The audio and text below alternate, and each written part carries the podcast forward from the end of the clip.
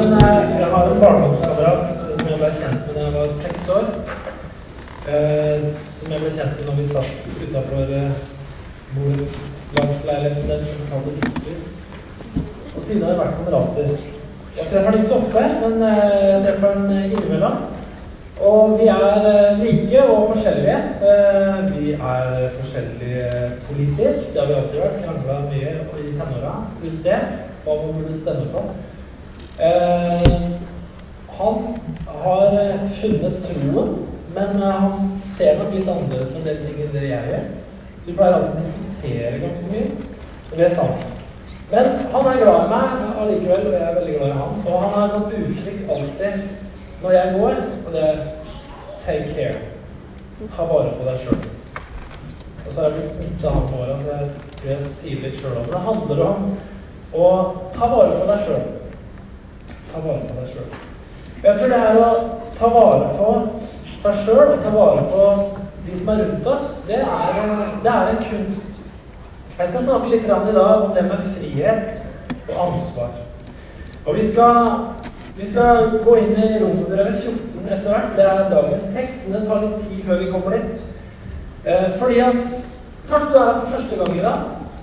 Så kommer du inn her, og så tenker du hm, Hva er det her? Hva slags folk er det her? Eh, er det er det plass til meg her? Kan jeg passe her?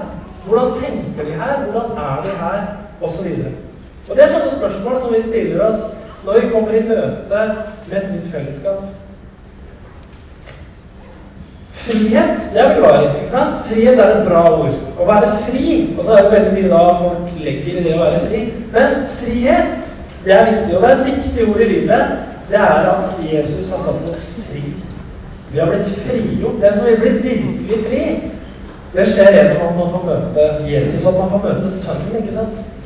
Men med frihet så følger det også et ansvar. Og det er viktig at vi har med begge deler. Med frihet følger det også alltid et ansvar. For det er litt sånn at så lenge du, så lenge du sitter i fengsel, så slipper du å ta så veldig mye ansvar for deg sjøl. Om du er bura inne, så er det sånn at maten blir jo laga. Det er faste tider da du skal spise. Du har rutiner, kanskje, jeg vet ikke, jeg har ikke veldig detaljert kunnskap om å være fange, men jeg antar at det er noen tider på veldig mye, egentlig. Kanskje sånn omtrent som å være militære, jeg vet ikke, den gangen rebellia gikk om morgenen, man skulle opp, og man skulle spise da, osv. Så, så lenge du er under andres autoritet i et fengsel, så har du ikke så mange muligheter egentlig til å gjøre verken godt eller dårlig. Derfor så leser vi i disse dager så leser vi om en mann som har vært fengsla en god stund. Han har vært en overgriper. Så slipper han ut. Så får han frihet. Så får han ansvar for sitt eget liv, og så går det galt. Men det gikk på en måte så lenge han var under andres autoritet. Jesus han satte oss en gang for 2000 år siden fri fra det å være slaver under loven, til å få leve i frihet under Guds nåde. Og I Galaterbrevet i kapittel 4, vers 4-5, så står det sånn her. Men i tidens fylde sendte Gud sin sønn, født av en kvinne og født under loven. Han skulle kjøpe fri dem som sto under loven, så de kunne få retten, så de kunne få retten til å være Guds barn. Vi legger i det kapittelet som handler om at vi ble holdt i varetekt under loven. Så kommer Jesus, han gir oss frihet. Det er mange ting som var, som ikke er lenger. Og det kommer ny, et nytt premiss å leve under, som kalles nåde, og som kalles for frihet. Men i friheten så må vi lære oss hvordan tar vi vare på hverandre. Hvordan tar vi vare på oss sjøl i friheten? Hvordan tar vi vare på de som er rundt oss i friheten vår? Det handler om det det livet. Være litt forsiktig med hverandre. Vi er fantastiske mennesker. Gud har født oss unike. Og så kan vi ta vare på hverandre, eller så kan vi også ødelegge hverandre i et fellesskap. Og jeg tenker at Det med fellesskap det tror jeg mange av dere som sitter her, har helt ulike opplevelser av det her som har med fellesskap å gjøre. Eh, for noen så er fellesskap noe som har berika deg veldig mye. Det er noe som har gitt masse bra i livet ditt. For noen så har kanskje liksom arbeidsplassen vært det mest utviklende som har skjedd deg. Det var der du fikk venner, det var der du lærte deg sjøl å kjenne, det var der du vokste osv. Mens for andre kanskje arbeidsplassen har vært det verste stedet de har vært. Der ble de kanskje mobba, der møtte de kanskje sin egen tilkortkommenhet. I det miljøet så fikk de eksponert alle sine svakheter, og man ble fortvila, man ble knust, og man slutta, og man mista livsmotet. Det kan ha vært sånn i skoleklassen. For noen av skoleklassen vært det mest fantastiske man liksom har hatt i oppveksten. Der hadde man venner. Der utvikla jeg meg. Der fant jeg interesse sammen med andre. Der liksom bare eksploderte talentene mine på skolen, i klassen osv. Mens for andre så var skoleklassen fellesskapet, det var det verste som skjedde. De ble mobbeofre. De falt utafor. De fikk ingen venner. Og de mista all selvtillit og livsmotet forsvant. For noen så er menigheten det er det beste som har skjedd. Et sted der de fikk venner, et sted hvor man fant Gud, et sted hvor man har opplevd bare den ultimate frihet og aksept. For andre så er menighet det verste som hendt dem. Der opplevde de fordømmelse. Der opplevde de et sted der de burde ha fått venner, ikke fikk det. Der opplever de sin identitet som kvært og knebla i møte med kulturen som de møtte i menigheten. Fellesskap kan oppleves så vidt forskjellig av oss mennesker, og fellesskap kan gjøre så vidt forskjellig med oss. Fellesskap kan forløse oss, fellesskap kan gjøre oss godt, men fellesskap kan også være destruktive. Det kan være veldig mye forskjellig. Og det har med at vi er forskjellige, vi mennesker. ikke sant? Vi er ulike, alle vi mennesker. Vi har ulike følelser, vi har ulik smak, vi har ulike tanker, vi har ulik bakgrunn, derfor opplever vi ting forskjellig. Vi bærer med oss ulike erfaringer, så til syvende og sist så tolker vi alle Vi tolker virkeligheten litt på vår egen måte. Sånn er det bare. Og hvorfor er folk som de er? Hvorfor gjør folk som de gjør? Hvorfor føler han sånn som det? Sånn føler ikke jeg i denne saken. Jeg føler helt annerledes. Hvorfor er han sånn? Hvorfor tenker ikke han sånn som meg? Vi trenger ikke å snu oss veldig mange ganger rundt i benkene for å finne ut at vi er veldig forskjellige. Og så er det da sånn at noen ser på det mangfoldet som et problem. Og veldig ofte så henfaller vi jo litt til det her at vi skulle egentlig ønske at folk Det hadde vært behagelig om folk var sånn som meg. Det hadde vært ganske deilig å ofte. Altså Hvis folk reagerte akkurat som jeg reagerer på ting, så uff til de tingene jeg sier uff til, og sier hurra til det som jeg sier hurra til, det hadde vært deilig. Og veldig mange ganger så blir det kanskje et lite mål vi har, sånn ubevisst, at vi skal forandre alle rundt oss så de blir mest mulig lik oss sjøl. Det er sånn de gjerne sier når folk skal gifte seg i sånne vigselstaler og sånn, så kan vi jo nevne litt på det at målet ditt er jo ikke å få ektefellen lik som deg sjøl. Da er det greit å tenke på det noen Målet er jo å få fram det beste i hverandre. Mangfold, det har vi hørt mye om i det siste. Og vi opplever i samfunnet vårt i Norge at mangfold er utfordrende. Det er utrolig mange diskusjoner som går på hvordan skal vi takle mangfold. Hva skal vi gjøre med alle disse innvandrerne som kommer og lukter curry går i rare klær og har ting på hodet sitt når de er inne? Hva skal vi gjøre med dem? Hvordan skal vi takle det at de snakker andre, små, andre språk? De vil ha kjøttet sitt slakta på en spesiell måte. sånn. Hvordan skal vi gjøre det? Og hvordan gjør vi integreringa? Hvordan skal folk bli norske? Hvordan skal de bli sånn som oss? Først da blir det bra, tenker noen. Hvis alle bare blir akkurat sånn som vi har vært hele tida. Og så er det bare det at det er vel ganske umulig å få til.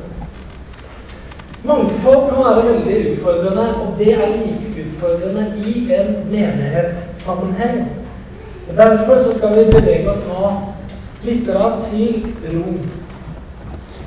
I år 57 så skriver Paulus brevet sitt til menigheten i Roma. Det brevet mener noen er det viktigste brevet som er skrevet noensinne. Og før vi går inn i teksten, må vi snakke litt om Roma. Romerriket, det var det store verdensimperiet. Paulus skriver det brevet. Det er, litt, det er litt over 20 år siden Jesus hadde dødd og stått opp fra de døde. 20 år. Hvis de fleste av dere tenker 20 år tilbake, så er ikke det så forferdelig lenge siden. Og du kan tenke hvor mye kultur rekker å sette seg på 20 år etter at dette med kristendom, tro på Jesus, ble en ny retning. Vi må være klar over at den menigheten Paulus skriver til, det er ikke en menighet som har sterke kristne tradisjoner. de har knapt noen kristne tradisjoner. De er litt over 20 år gamle. Eh, det betyr at de tradisjonene som folk hadde med seg inn i menigheten, inn i det kristne fellesskapet, det var tradisjoner som de hadde ut fra at de var jøder, italienere, spanjoler, franskmenn, grekere, fønikere Hvor de nå enn kom fra, så hadde ikke de vokst opp i en kristen kultur. De hadde vokst opp i sine kulturer, de hadde sine kulturbelter, og så blir de kristne. I Roma bare for bilde av det, i Roma så var det sånn at det var verdenshovedstaden. Det var smeltedigelen hvor alle folk og mange folkeslag var sammen. Det var hele Roman Empire. Imperiet Romerriket strekte seg over hele Europa, helt inn opp de britiske øyene. Ned i Nord-Afrika, Midtøsten. Romerriket var enormt. Og i Roma så fins det folk fra hele imperiet som etter hvert opplever å bli kristne. Det var masse språk i Roma, f.eks. Det offisielle språket, utdanningsspråket, var jo latin. Som etter hvert skulle utvikle moderne havarter som italiensk, spansk, fransk, portugisisk, rumensk osv. Men det var også mye gresk der. Helenistisk kultur det fikk mye plass i Roma etter hvert. Det var mange i Rom som hadde greske slaver i husene sine osv. Og, så og vi vet at eh, Nytestamentet ble skrevet på gresk, og at det ble språket blant de kristne. Det gikk mye på gresk. Det var mye gresk kultur, det var filosofi som hadde ganske stor plass. Og Derfor så var det en smeltedigel. Det var mange ting som var i Roma som var henta fra ulike kulturer. Det var tavernaer, det var idrettsarenaer, det var mangfoldig matkultur. De importerte vin og oljer og matvarer fra hele imperiet. Det var masse mangfold. Det var treningssenter, det var teatre, det var ulike arkitektoniske retninger, det var slavemarkeder, det var eh, bordeller, og det var et utall av filosofiske retninger og utall av religiøse retninger som fantes i Roma, for det var et smeltedigel. Alle disse menneskene her hadde forskjellige bakgrunner i stor grad. Saken var at Det romerske imperiet de prøvde liksom å tilpasse og inkorporere ulike religiøse retninger og sånn inn i sin egen greie, sånn at alle på en måte skulle finne litt eh, plass. Men det var en smeltedigel, veldig mangfoldig. Det er den menigheten som Paulus skriver til. Så forskjellig og så lite homogen. Den moderne smeltedigelen, som man ofte kaller det, er jo New York. Jeg husker Katrine jeg var i New York i sommeren 1998. Vi var på den her øya som heter Manhattan. Den er ikke så stor. Hvis man kjører det man kan kalle ringveien på Manhattan, så tar det liksom ti minutter å kjøre langs Manhattan hvis du ikke har noe særlig trafikk som er i veien. Vi var en dag skulle på baseballkamp kamp med New York Yankees. Vi hadde fått eh, billetter av Eila truffet på sjømannssiden, og det ville vi jo dra på. Så hun sa det bare kjøre over broa sånn og sånn, og så treffer dere meg, og så går vi på, går vi på kamp. Vi kjørte vi feil på en sånn bro som heter George Washington Bridge. Så kjørte vi feil fil, så vi kom ned i noe som heter Spanish Harlem. Og det er liksom Lengst nord på øya så har du Wall Street, eh, ikke sant, ganske langt nord. Og jo lenger syd du kommer, jo fattigere blir det, jo verre blir det. Og helt nederst der har du Spanish Harlem, hvor det er utbrente bygninger, hvor det er ekstremt fattig, og hvor det er veldig voldelig, og folk snakker spansk. Vi havna der. Jeg kjente at ups, her kom det en gæren fyr, gitt. Det var ikke så lett å stikke ut. Så vi måtte kjøre litt gjennom der og kom etter hvert ned til Harlem, eh, eh, der hvor de sorte var. På 125. gata. Der traff vi hun dama som vi skulle på kamp med. Og så fortalte hun litt, for vi kjørte Manhattan er et rutemønster av gater, og så er det Broadway som går sånn på kryss gjennom alt sammen. Så kjørte vi nedover. Og så sa han nå kommer vi snart til den restauranten på Seinfeld vi spilte inn, det hjørnet. ikke sant? Den der, og så sitter den der og snakker. Eh, og så sier hun Det rare er sier at der oppe i Spanish Harlem, der har vi spanske TV-kanaler. Eh, der snakker de spansk, og mange av dem kan ikke engelsk. Ja, men hallo, det er liksom det er syv minutter å kjøre derfra og ned hit. Jo, men sånn er det. Og nå er vi inne i Black Harlem. Og i det området her så er det mange som snakker så dårlig engelsk at de kommer ikke inn på universitetet som ligger tre minutter i gata her, som Columbia University, for de skjønner ikke hva de sier. De har så mye slang. Og så har Columbia University de har kjøpt opp tre gater her for å ha en buffer. Og nedenfor her, ser du, når du kommer nedenfor her nå, det er 100 gater sånn, så ser du bare hvite. Wow.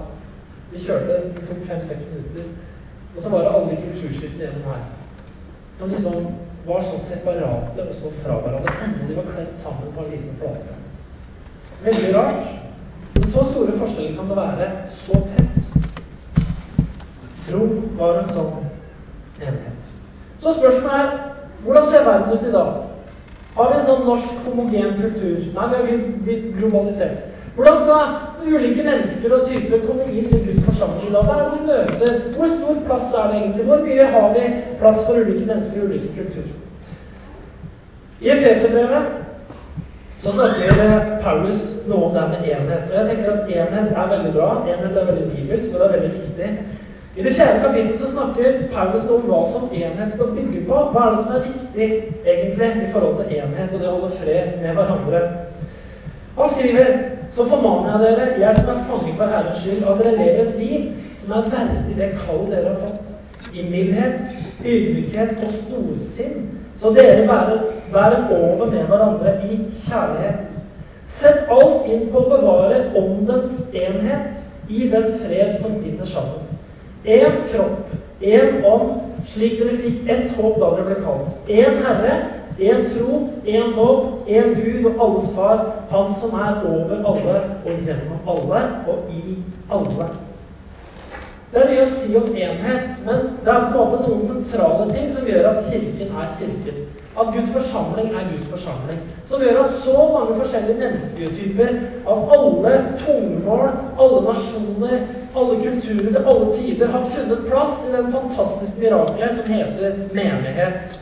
For det er verdens største mirakel, pleier man å si. Guds menighet er verdens største mirakel. Men enhet det må alltid det må klart, det handler om de sentrale tinga som Paulus skriver om her. Han sier dere må leve et liv som er verdig det kallet dere har fått. Ja, hvordan er det å leve et verdig liv? Hva er det han snakker om her? Jo, han snakker om at vi i mildhet, ydmykhet og storsinn så vi kan bære over med hverandre. Og det er gjerne sånn at Du trenger ikke å bære over til de som er helt like deg sjøl. For du digger jo dem, ikke sant? Det er jo helt fantastisk å være sammen med. De som vi treffer, som liker den samme musikken som vi liker, som liker det samme bilmerket som vi liker, som liker den samme restauranten som vi liker Altså, De folka trenger vi ikke være overbærende i det hele tatt. De er jo bare like me. Glory. Vi er venner med en gang. Men hva med de andre som ikke er det? Som liker dårlig musikk? Som kjører dårlige biler? Som liker dårlig mat? Jeg skal ikke definere hva jeg syns det er. Men som liker dårlig mat? Som eh, ber til Gud på en annen måte? Som ikke liker de lovsangsplatene jeg liker, og ikke kjenner Gud der hvor jeg kjenner Gud, men siden han kjenner Gud i andre ting som ikke jeg skjønner nesten kan være Gud. De må vi jo være overbærende med. Det betyr egentlig at noen av dere må være overbærende med meg. Fordi jeg er annerledes enn deg. Og noen av dere må jeg være veldig overbærende med, fordi du er veldig annerledes enn meg. Er det ikke sånn? Overbærenhet handler om de som ikke er like oss sjøl. Sett alt inn på å bevare åndens enhet i den fred som binder sammen. Hva er det enheten bygges rundt? Jo, det bygges rundt at vi har fått samme ånd. Vi har fått et håp, da vi blir kalt. Vi har en felles Herre. Vi har en dåp. Vi har en tro. Vi har en Gud som er alles far, han som er over alle og gjennom alle og i alle. Tenk på det. Gud er i, over og gjennom alle. Amen. Kristen sekterisme går gjerne ut på et fint ord, men det er ganske bra. Det går veldig ofte ut på å avindividualisere. Altså utslett deg selv, din bakgrunn, din identitet. Bli ny. Og det er budskapet. Bli født på ny. så gjør alle ting nye. Det er budskapet. Så fins det sånn, en sånn eh, lur variant av den der bli ny-greia, som er det handler ikke om å bli ny i Kristus, men det handler om å bli, bli ny. Det vil si, bli sånn som oss. Som en jeg snakket med for ikke lenge siden, fortalte han hadde fått beskjed om da han begynte på bibelskole, hvor rektoren sa det beste med din fortid, det er at den ligger bak deg. Det høres jo noe bra ut, men det høres ikke helt bra ut heller. Det betyr at det livet du har hatt, det du har med deg, det er, er ubrukelig. Fra nå av så begynner du på år null i livet ditt. Nå har du kommet på den bibelskolen vår. Og på bibelskolen vår så har vi som hensikt at alt det som har vært, det er borte, selv om du er kristen i livet. Og så skal du bli sånn som oss. Det kan være mye bra i det, men det kan bikke litt akkurat det der. Du skjønner hva jeg mener. Fariseerne på Jesu tid de var, de var, opptatt av meninger så godt som om alt og alle detaljer i de som fulgte etter dem og hørte på dem. Vi kan si at fariseerne tok autoritet i andres liv, i alle detaljer, for å gjøre folk så like som mulig seg sjøl. Jesus han knuser det han kom med. Disiplene hans gjør gærne ting. De går på, de på åkeren på sabbaten og uh, tar aks og gjør sånn for å få litt å spise. Det var helt feil. Man gjør ikke sånn. Hva er det som skjer i et fellesskap der andre skal ha veldig stor autoritet over den enkelte i alle livets detaljer? Det er en som jeg skal sitere, en historiker og moralist. Det høres ikke bra ut. Men det ligger litt annet i det. Han levde i 1834 fra 19, til 1902. Han het lord Acton. Han skrev om resultatet av det her at noen bestemmer så mye over den enkelte at du blir avindividualisert. Du får ikke lov å være individ. Du skal bli en del av gruppa bare. Hvis vi tenker oss at folk er fra forskjellige farger Vi har noen som er røde, nå tenker jeg ikke politisk, blå, grønne, gule Ok, hva, hva, skjer hvis du blander alle farger? Jeg husker jeg var veldig opptatt av det på barneskolen. Det var så gøy å lage nye farger. tenkte vi, Jo flere farger vi blander, jo mer spennende farger blir det. Hva skjer når du blander alle farger sammen? Så tenker du da grå. En grå masse. Er det får når du blander alle farger sammen. Og det tror ikke jeg Gud vil. Jeg. At vi skal blande alle farger sammen til blir sånn grå masse. Jeg tror fargene må leve side om side, så vi ser de forskjellige fargene. Men han sier, lord Acton han sier om, sier om det her. Han sier sånn her Når man ikke selv skal ta sine beslutninger, så trenger man heller ikke å gjøre seg overveielser. Tankeevnen, fornuften, den synker hen. Folk blir dumme, og de tenker ikke over hva de gjør. Vi får tre personlighetstyper som alle er uttrykk for den uselvstendighet som autoritetens kveling fører med seg. Den ene mennesketypen, den blir rigid. Har du møtt rigide mennesker sjøl før? Har du møtt deg sjøl i å være rigid noen ganger? Hvis det er noen regler, så må de følges akkurat og alt er veldig bra og fredfullt så lenge vi følger reglene akkurat sånn som det er. Og er det noen som går litt utafor, så er det Hva er det som skjer her? Den rigide blir opprørt. Han skal holde orden på reglene, orden på systemet.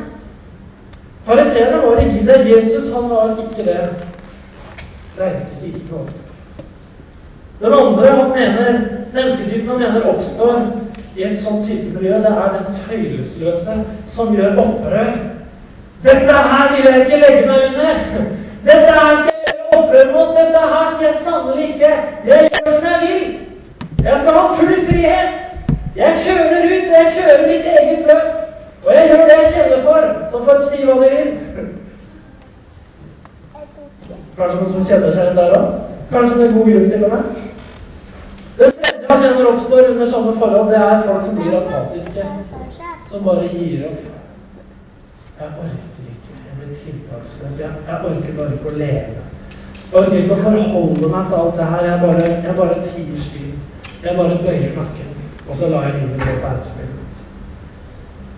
Det motsatte av Lord Acton skriver, må i så fall være mennesker som er avslappa istedenfor rigide. Som må være mennesker som har en positiv selvdisiplin og selvkontroll, i motsetning til å være tøylesløse. Det må være mennesker som er engasjerte og levende istedenfor å være apatiske, maktesløse og likegyldige. Og sånn kan det se ut som menigheten i Roma var. Den vokste eksplosjonsarta. Den fikk plass til alle disse ulike menneskene fra alle disse bakgrunnene, og fortsatte selv under sterk forfølgelse og press å vokse. Og den ble jo så omfangsrik til slutt at den på godt og vondt ble statsreligion gjennom Konstantine overtok hele greia. Romerbrevet 14. Så derfor må vi stille oss spørsmål ut fra romerbrevet. Hvordan, for å ta en moderne oversettelse Hvordan kan italienere som liker pizza, vin og olivner, og som blåser i helligdager og sabbater, fungere sammen med jøder som ikke spiste kjøtt, eventuelt ikke drakk vin, og som dessuten var veldig opptatt av sabbat og andre helligdager? Hvordan kunne de folka her fungere sammen i et kristent fellesskap? Kunne de klare å ta vare på hverandre? Kunne de klare å ta vare på seg sjøl? Romerbrevet er delt i tre deler. Den første delen, kapittel 1-8, handler om Paulus som skriver om hvordan alle mennesker har synda. Hvordan vi alle står uten ære for Gud, og til syvende og sist så er det det Jesus har gjort, som fører oss til rettferdighet. Rettferdiggjørelse ved tro alene. Det er det han beviser og snakker om de første kapitlene. Så snakker han i kapittel 9-11 til romerne om jødenes plass, Israels plass i frelseshistorien. Hvor kommer jødene inn, da? Nå som det er alle folkeslag og alle raser og alle tunger. Hvor, hvor ble det av jødene, et Guds utvalgte folk oppi her? Det diskuterer han i tre kapitler. Så i den siste delen av boka så gir Paulus råd og formaninger om hvordan man i praksis skal leve det kristne livet i denne menigheten som er så mangfoldig og så sammensatt. Nøkkelordet i romerbrevet, det er rettferdiggjørelse ved tro. Det handler om frihet fra loven. Det handler om nåden som setter fri. Det forklarer hva Jesus har gjort. Han eh, tar for seg denne teksten. Romerbrevet 14. Skal vi lese vers 1 til 3, så skal vi ta noen vers nedover her. Jeg tenker litt fort i dag, for det er dårlig med tid.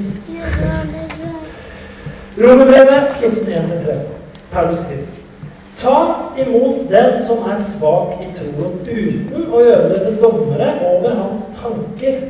Én har en tro som tillater ham å spise alt. Den svake spiser bare grønnsaker. Den som spiser, skal ikke se ned på eller forakte, som står i en annen den som ikke gjør det. Og den som ikke spiser, skal ikke dømme den som spiser. Gud har jo tatt imot ham. Her beskriver mye en del om disse tinga i de kapitlene som er her, og vi skal se litt videre på det en annen gang. Men mat og drikke har vært kilden til mye diskusjon i kristne menigheter, og det er det fortsatt. Det kommer sikkert alltid til å være det av en eller annen merkelig grunn. Men her er det kilde til diskusjon tydelig i rom hvor alle disse menneskene med alle ulike bakgrunner er sammen. Eh, og kanskje ut fra den teksten her så kan vi dele inn de to kategoriene mennesker han snakker om. Som, eh, for å kanskje sette litt på spissen På den ene sida så har han det vi kan kalle asketene. Hva er en asket?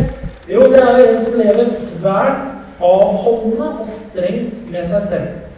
Eh, det er vanlig i mange religioner at man har en type askese, altså at man har utøver en selvdisiplin i livet sitt for å nå et høyere åndelig gode. Så i sånne ting så kan man regne f.eks. avholdenhet fra ulike typer mat og drikke. Vi har det i Gamle Testamentet f.eks. med nastireene som skulle avholde seg fra å drikke vin osv. Eh, du har eh, at man kanskje faster ofte.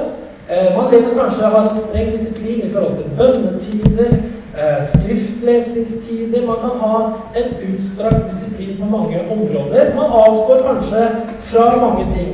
Kanskje en moderne asket ville være en som sier Jeg tar f.eks. nå ett års pause fra all Internett og TV for, eksempel, for å ha en fase på det. Og så kommer jeg til å faste én dag i uka og bruke den dagen på bønn.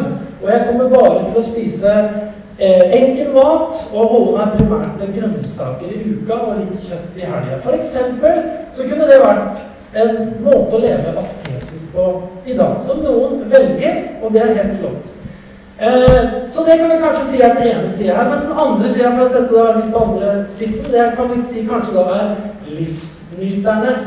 Som ikke faster noe særlig i det hele tatt, egentlig, men spiser biff hver dag hele uka. Og syns det er veldig hyggelig med masse folk og fester og ha det veldig koselig på den måten der. Og spiser og drikker i grunn hva som helst. Hva sier teksten? Her ligger jo an til problemer.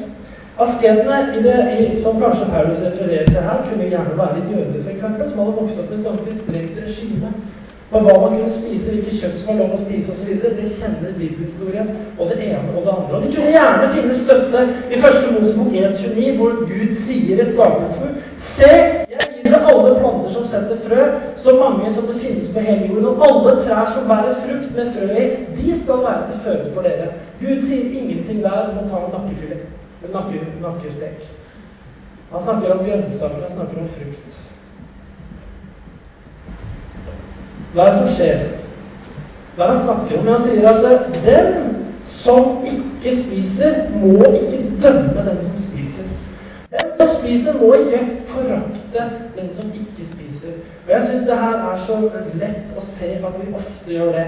De som lever strengest, har lett for å dømme de som ikke lever så strengt. Har du bare sett han der? der? Han er jo rimelig overvekt. Er det bare å nyte livet som det er snakk om her? Hva slags mann er det, liksom? Er han kristen?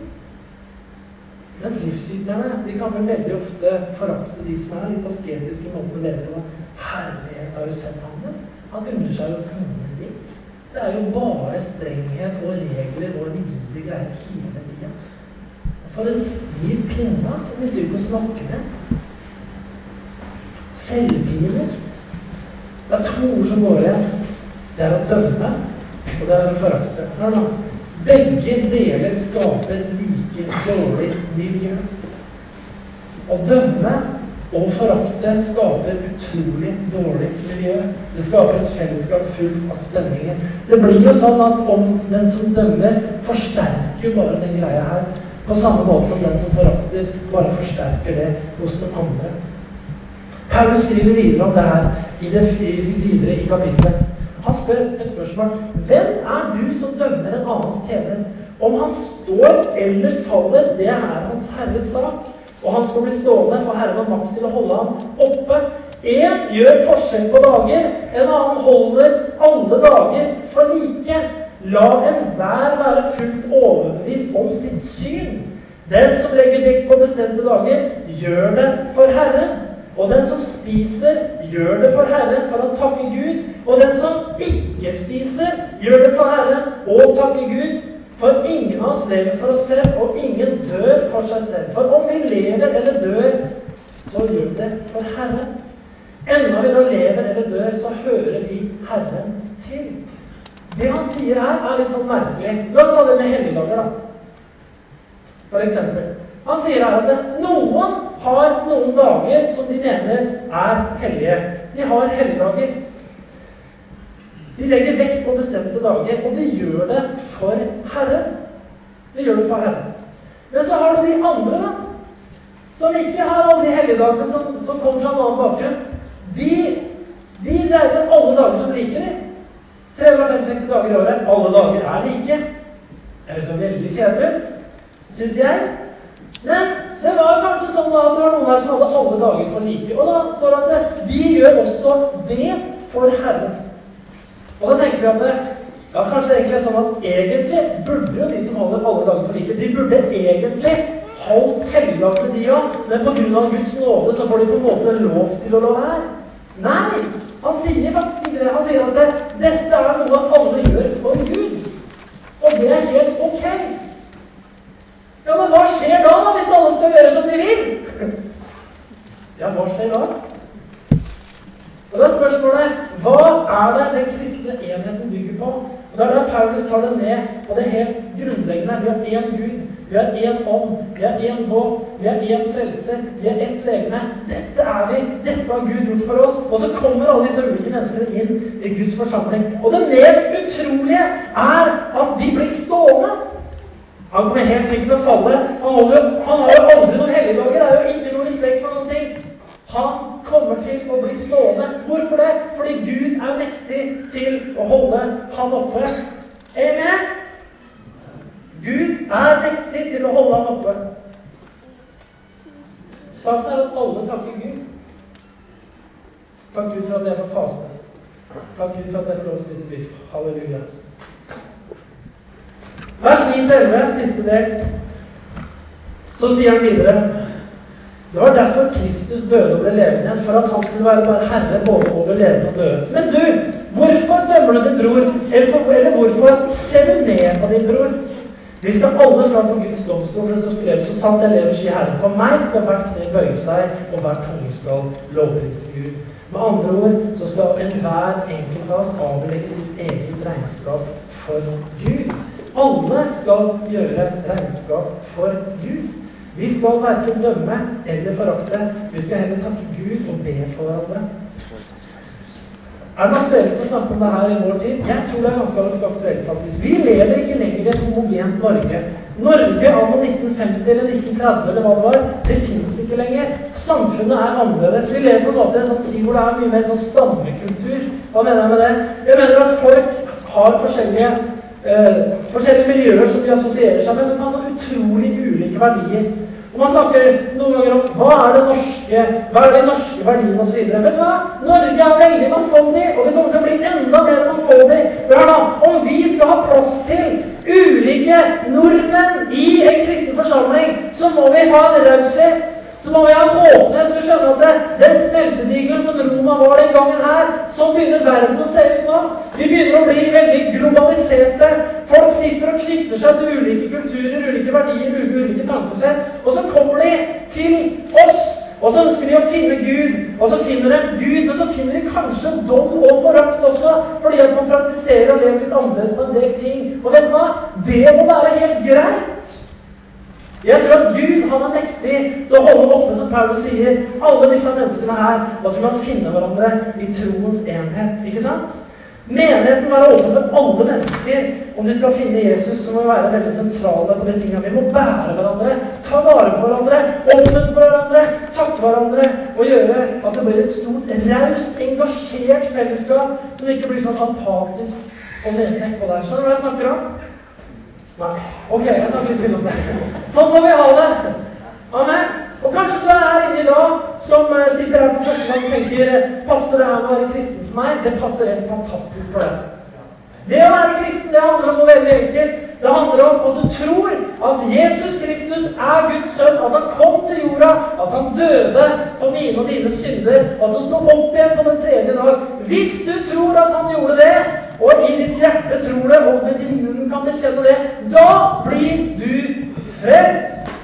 Da blir du kristen. Og så flytter Den hellige ånd inn i deg. Og så er det ikke sånn at alle vi som sitter rundt her i rommet, her, tenker at du får bli akkurat sånn som oss. Slett ikke. Og det skal du få slippe av. Men det handler om at du får ta imot et nytt liv i Jesus Kristus. Og så skal han få bære deg videre. Og så må vi ha en sånn brei favn som er like stor som Guds favn. Så tar vi imot mennesker når de ønsker å komme og finne Gud og fri oss fra dom og forakt. Det er de to sidene av den saken. Vi skal, skal med Stig og komme opp og ta piano. Så skal vi gå mot avslutning. Kjære Jesus, vi takker deg. Takk at du kom til hele verden her. Takk, Jesus Kristus, at du kom for at alle folkeslag, alle tonemål, alle stammer, alle nasjoner, Herre, de skulle få lov å komme til Gud gjennom deg.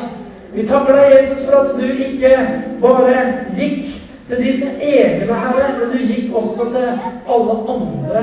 Takk, Herre, at du inkluderte oss som er så annerledes enn det det jødiske folket var, Herre. Takk at du også kom til oss her oppe i nord. Vi som var vikinger, vi som var absolutt annerledes enn det folket du ble født ut. Herre, takk for at du har bevist at ditt ord og din ånd den virker over hele jorden her. I Afrika, i Asia, i Sør-Amerika, i Nord-Amerika, i Sør- og Nord-Europa. Herre, takk, Herre, for at du, du har vist at du tar imot alle mennesker av alle tungemål, fra alle kulturer, inn, og du forvandler våre liv. Herre du vi priser deg. Og vi takker deg, Jesus, for vårt eget land som vi bor i. Takk for alt det mangfoldet som vi ser rundt oss, Herre. Og takk, Jesus, for at det ikke er en trussel, men takk, Herre, det er plass til alle å komme inn og lære å kjenne deg. Vi priser deg, Far, i Jesu mektige navn. Halleluja. Vi skal ta oss og reise oss opp. Litt rart. Så har jeg lyst til å spørre om du er her i formiddag. Kanskje du er her for første gang, kanskje du har vært her før. Kanskje du kjenner på det at det passer for meg å være kristen. Passer det for meg å bli en kristen? Eller passer det for meg å være en sånn som kan bekjenne at ja, jeg er en kristen, jeg er en som tror på Jesus som følger etter ham? Passer det? Passer jeg til det? Skal si, du passer perfekt inn i Guds plan. Du passer så bra som du er. Jesus står få åpne armer for å ta imot deg. Han lengter etter at du skal få lov å oppleve fellesskap med ham. Og det er plass til deg, vet du. Uansett din historie, uansett hvor du kommer fra, så er det plass til deg. Jeg har lyst til at alle skal lukke øynene et lite øyeblikk. Og så har jeg lyst til å spørre om du er her i formiddag som enten har lyst til å ta imot Jesus i ditt hjerte som din Herre og Frelser for første gang, eller om du er her som kjenner at nei, jeg har mista frimodigheten. Jeg har ikke passa inn. Jeg skal ikke ta fram noen til forbund eller noen ting. Men men alle har øynene lukka akkurat nå, kan ikke du rekke opp hånda di og si 'Jesus, jeg kommer til deg som jeg er. Jeg vil følge etter deg'. Om du er her, kan ikke du rekke opp hånda. Gud velsigne deg. Gud velsigne deg.